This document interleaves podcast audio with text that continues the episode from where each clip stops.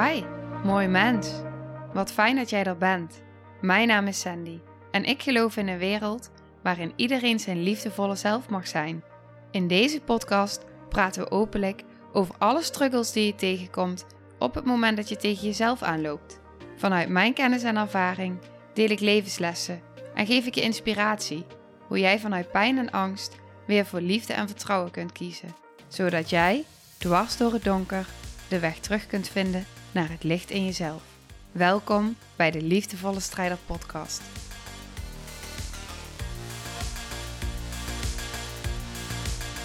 Hey, hallo. Dag, mooi mens. Wat fijn dat jij weer luistert. Ik zit hier met een mega glimlach. Buiten, zoals je waarschijnlijk wel hoort met al die geluiden. Het zo fijn om buiten te zijn. Ja, ben het liefst altijd buiten. Ik weet niet of je daarin herkent. Maar goed, ik ga een aflevering met je delen. En eigenlijk heeft het ook wel te maken over je omgeving. Het blijkt steeds meer, er wordt heel veel onderzoek in gedaan. En uit al die onderzoeken wordt steeds meer zichtbaar, duidelijk, helder, voelbaar. Dat niet alleen je DNA bepaalt wie je wordt, wat je karakter is, je gedrag, maar dat ook de omgeving een enorme invloed daarop heeft. En de eerste omgeving waarin jij terechtkomt, is die in de baarmoeder. En ik ben me daar sinds dat ik de podcast van Anna Verwaal heb geluisterd. En sinds ik ook steeds zelf merk dat ik continu in het afgelopen jaar, afgelopen twee jaar, steeds bij die thema's uitkom van mezelf in de baarmoedertijd. Ja,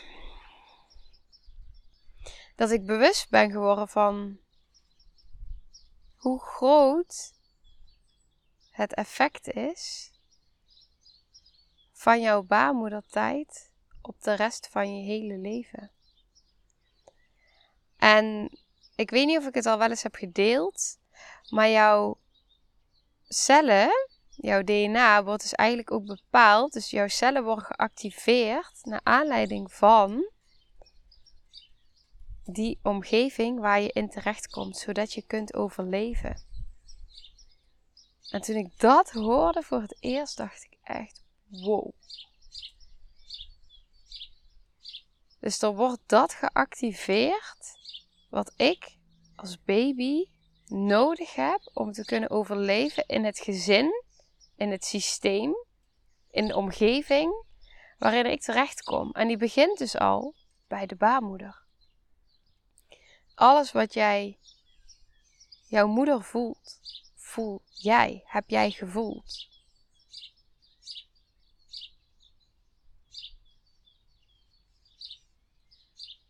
En dat is wel uh, een nogal besef. Ik was een uh, documentaire aan het kijken. ik hoop dat ik het goed uitspreek. Utero.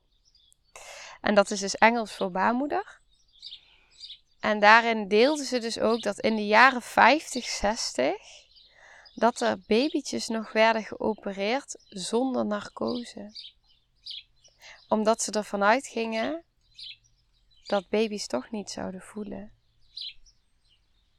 Ja, dat is echt, dat is zo heftig. Als je daarover nadenkt dat je als baby alles voelt. Maar echt alles. Je begrijpt misschien geen woorden, maar je ziet en voelt bij je moeder hoe het met haar gaat. Heeft ze spanning in haar lijf? Hoe kijkt ze? Wat voelt zij? Hoe gedraagt ze zich? En dat is jouw leefwereld. Dus op basis daarvan ga je je aanpassen.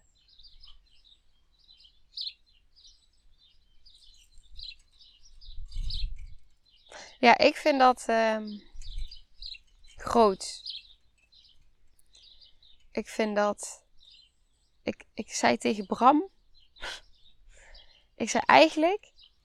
Eigenlijk zou iedere vrouw die zwanger wil worden, zwanger mag worden, zwanger is geworden, moeder is, ieder mens eigenlijk, ook iedere vader, zou dit toch willen weten. Je wilt toch weten hoe ongelooflijk veel jouw babytje weet en voelt en meekrijgt en onthoudt en herinnert en gevormd wordt.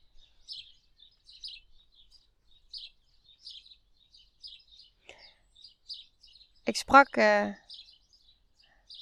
met iemand via Instagram. En het staat helemaal niet per se in relatie tot dit stukje in de baarmoeder, maar wel tot iets waar ik nu over nadenk.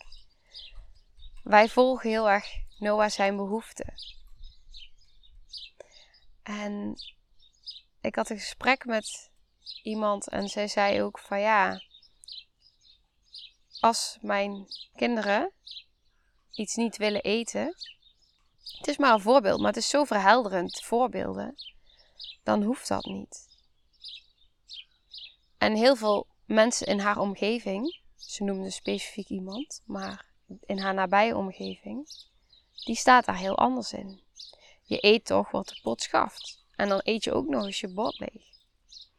En ik sprak daar wel eens over met een vriendin van mij. Die uh, heel erg werkt met, uh, ja, met, met, dit soort, met, nou, met dit soort, met mensen die uh, problemen hebben met eten, en met hun gewicht, eetstoornis. En zij zei echt ook tegen mij van hoe minder dwang er is op eten, dus hoe makkelijker het gaat en hoe flexibeler, flexibeler je meebeweegt als ouder, hoeveel relaxter ook je kind er uiteindelijk een, en hoe betere en gezondere relatie je kind uiteindelijk ook gaat vormen met voeding. En in die documentaire Daarin deelden ze ook dat als jij te weinig voeding hebt gehad als baby, dat dat dus ook weer in relatie staat in je latere leven tot uh, bepaalde lichamelijke klachten en oorzaken. Dus als jouw geboortegewicht heel laag is, kan dat weer zorgen voor hart- en vaatziekten. Blijkt dus uit allerlei uh, onderzoeken. En ik vind dat dus mega, mega, mega interessant. Omdat ook dit soort dingen, hoe anders zou de wereld eruit zien als wij ons kind zien als onze grootste leermeester. Dat wat jouw kind vertelt. Ik sta niet boven mijn zoon wij zijn gelijkwaardig. Ik ben zijn moeder en hij is mijn kind. En ja, ik sta op mijn plek en hij mag op zijn plek in het systeem staan. Dus in die zin is er een rangorde, om het maar even zo woorden aan te geven. Omdat we allebei onze plek hebben daarin. Maar ik ben niet meer dan hem. Dus wie ben ik om dwang op te leggen? aan wie hij in zijn wezen is. Waarom niet leren van en met elkaar en zijn behoeften mogen volgen? Want ik wil hem leren dat zijn behoeften ertoe doen. En dat als hij iets niet wil eten, dat hij dat van mij niet hoeft te eten. En dat als hij wel iets wil eten wat ik niet eet, zoals vlees, dat hij dan ook die keuze mag maken daarin. Ja. En daar had ik het ook over met haar in dat gesprek. Want ze zei: Ik vind het zo ingewikkeld als mensen daar dan anders over denken. Dus ook als je het hebt over de tijd in de baarmoeder.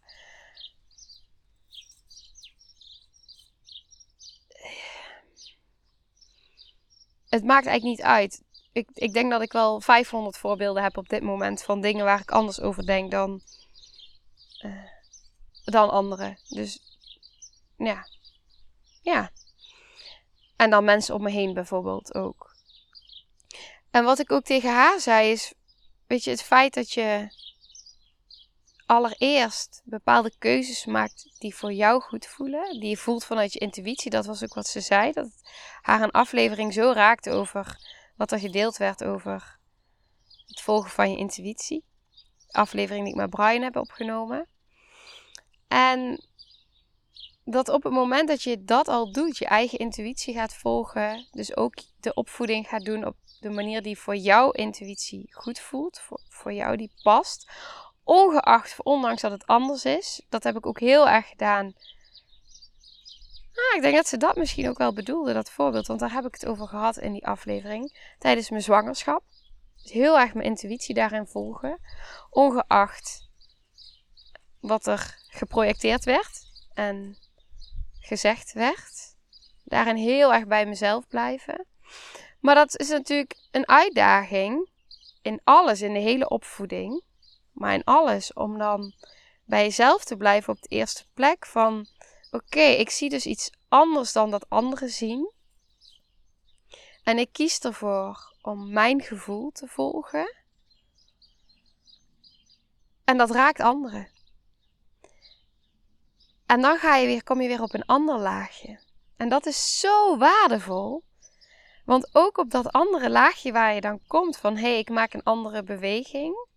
Anderen vinden daar iets van. Anderen reageren daar misschien op. Zij gaf aan van ik klap dan dicht.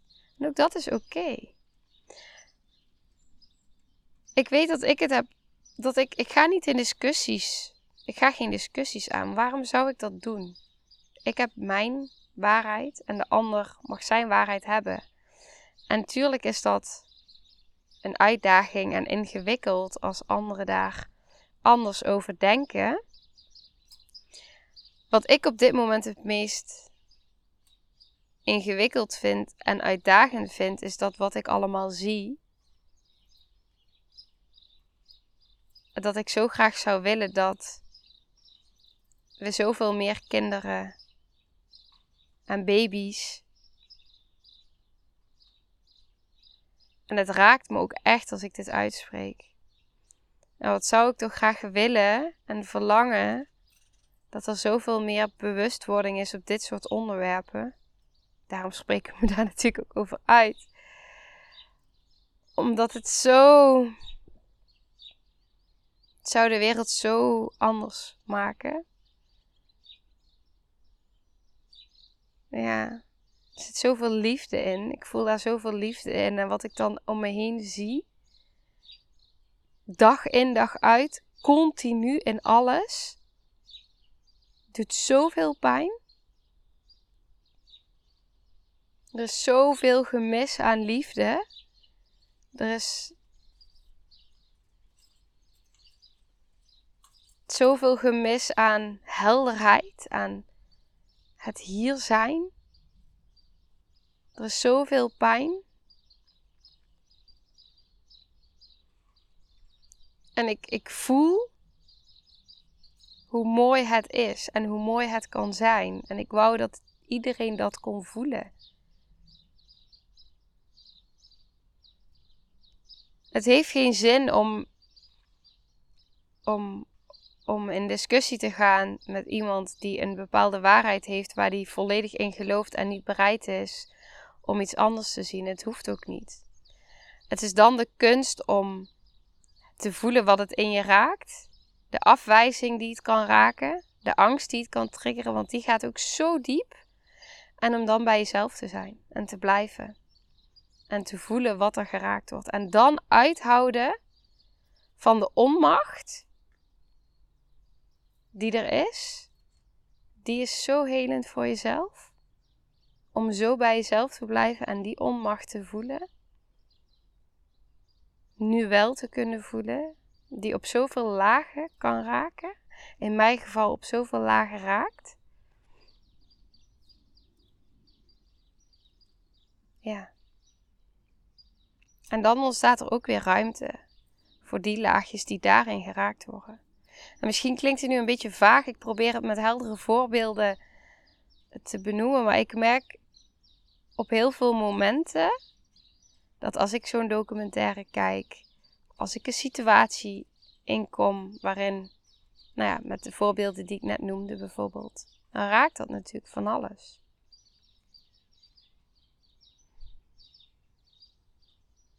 En wat zou ik dan graag het willen veranderen? Maar ik weet dat ik dat niet kan. Ik kan de ander niet veranderen. Maar wat ik wel kan doen, is op dat moment niet proberen iets te fixen, maar mijn aandacht naar binnen te brengen en te voelen wat het raakt in onmacht, in verdriet, in eenzaamheid, in angst. En om dat dan op die voor mezelf te zijn. Op die stukken. Op die laagjes. En dat geeft ruimte.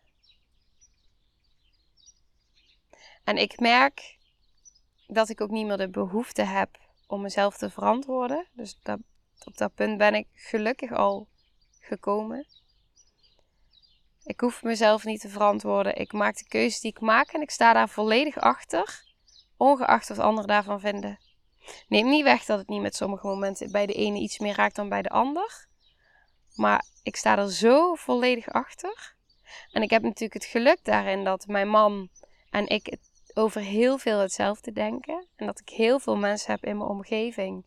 Doordat ik anders ben, andere keuzes ben gaan maken met wie ik daarover kan communiceren. En ik sprak het nog uit naar mijn man vanmorgen. Ik zei, ik heb altijd zo ook in mijn vorige relatie ook benoemd dat ik zo die verdieping miste in het leven. Die verdieping in verbinding, die verdieping in, in het voelen, in het contact, in de diepgang, in de gesprekken. En ik besef nu dat ik die heb mogen vinden. Juist door mijn intuïtie te volgen. Juist door mijn bewustzijn te verhogen. En door keer op keer op keer bereid te zijn om mijn ogen te openen en aan te kijken wat pijn doet. En ook sommige documentaires of podcasten of dingen die ik hoor, die ik leer, dat ik voel hoe misselijk ik word. Dat ik denk, jeetje, moet ik dit echt nu gaan aankijken? En soms kies ik er dan ook voor, bijvoorbeeld tijdens mijn zwangerschap, heb ik heel bewust gekeken. Dit is ook een belangrijke, waar ik begon. Ik heb tijdens mijn zwangerschap heel bewust, heb ik, ben ik geweest van waar besteed ik mijn aandacht aan en waar kijk ik naar?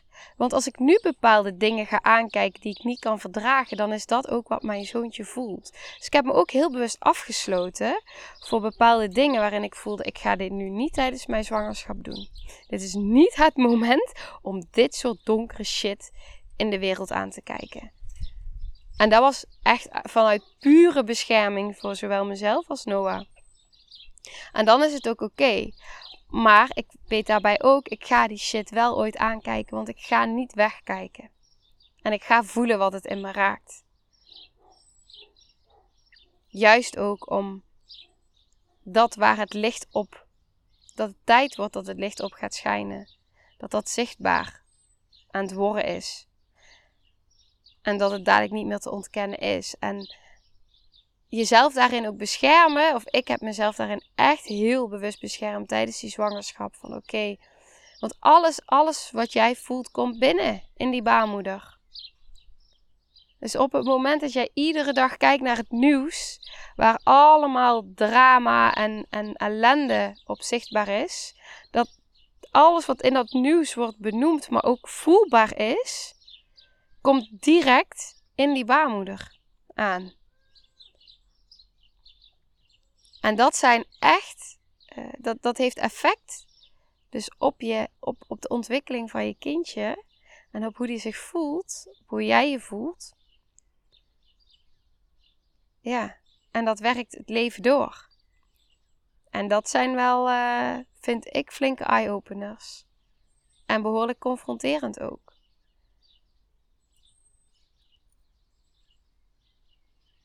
Maar wel zo fijn om te weten. Tenminste, ik vond echt. Ja. Hoeveel kun je daarin al doen op het moment dat je weet hoeveel effect het heeft waar je überhaupt alleen al naar kijkt en luistert tijdens je zwangerschap. Alleen dat al. Hoi Dino. Mijn kat. Ja. Nou, ik ging een beetje van, uh, van het een naar het ander. Volgens mij. Maar um, ja, ik denk dat het ook wel allemaal heel. Uh, het, het valt allemaal zo ook weer samen. Het heeft zo ook te maken met die ontwikkeling. En met hoe die, vooral die eerste jaren ook gewoon zo doorwerken. Ik had een. Um, ik ga nog één dingetje delen met je. Ik had een tijdje terug tijdens de traumaopleiding. Kreeg ik een, uh, een, een blaadje. Ik ga even kijken of ik hem erbij kan pakken op mijn telefoon. Nou wil ik hem zoeken. Dus als je het geduld hebt, dan ga ik die nog even erbij pakken. Ja, ik heb hem al. En daar staan allemaal uh, lijnen. Dus je hebt zeg maar een rondje in het midden. En daaromheen heb je een rondje. En daar nog een rondje. En daar nog een rondje. En in het middenste rondje, die is het meest donker. Dus die zou je rood kunnen noemen. En dat heeft de meeste imprints. Het heeft het meeste effect op je persoonlijkheid, op je karakter, op je leven, op je angst, op alles hoe je je vormt. En dat is dus vroegkinderlijk trauma. En hoe jonger, hoe, hoe, hoe heftiger eigenlijk. Dus, en dan dus ook echt de baarmoedertijd daarin meegenomen. En zelfs nog daarvoor. Dus ook de tijd dat je verwekt wordt en alles wat daar zit en wat daarin gebeurt. Het eerste gevoel op het moment dat je moeder beseft dat ze zwanger is, is ze blij? Of is ze niet blij? Raakt ze in paniek? Had ze liever een jongetje gehad of een meisje? Zit er nog uh, trauma in de baarmoeder van een ander kindje wat is overleden, wat nog niet is verwerkt? Angsten die opkomen. Echt, ga zo maar door. Dus dat is, dat is het meeste impact. Daarbuiten, de cirkel daaromheen, is seksueel trauma. De cirkel daaromheen is traumatisering door menselijk geweld. En de buitenste cirkel is traumatisering door natuurgeweld. Hi, kom er maar bij. Kom maar. Oké, nou dat wou ik dus nog met je delen. Ook het belang van, van wat we vaak dus niet meer bewust met onze mind herinneren. Neem niet weg hoe ongelooflijk veel impact het heeft op de onderstroom, op dat wat we dagelijks doen en op dat wie we zijn, zonder dat we doorhebben waar het echt gevormd is en ja, hoe waardevol dat bewustzijn daarop is. En hoe transformerend ook ja, dan ga ik hem nu voor nu afronden. Mocht je vragen hebben of ergens meer over willen weten, dan uh, laat het me vooral weten. Fijne dag en veel liefs. Nou, lieve mensen, ontzettend bedankt voor het luisteren. Ik ben heel benieuwd wat je van de aflevering vond en welk inzicht je eruit hebt gehaald. Mocht je nog vragen hebben of is er een onderwerp waar je meer over wilt weten, laat het me dan weten. En wie weet neem ik het mee in een van de volgende afleveringen. Als je het leuk vindt, kun je de aflevering delen. of maak een screenshot en tag me op Instagram. Want ik vind het echt super tof om te zien wie er luistert. De link van mijn Instagram staat in de beschrijving bij de podcast. En wil je blijvend geïnspireerd worden? Klik dan op abonneer of volgen in de podcast-app waarmee je luistert. Dat zouden ik en alle toekomstige luisteraars enorm waarderen. Want dat zorgt er namelijk voor dat de podcast beter gevonden wordt. Nogmaals, dankjewel voor het luisteren en heel graag tot de volgende aflevering.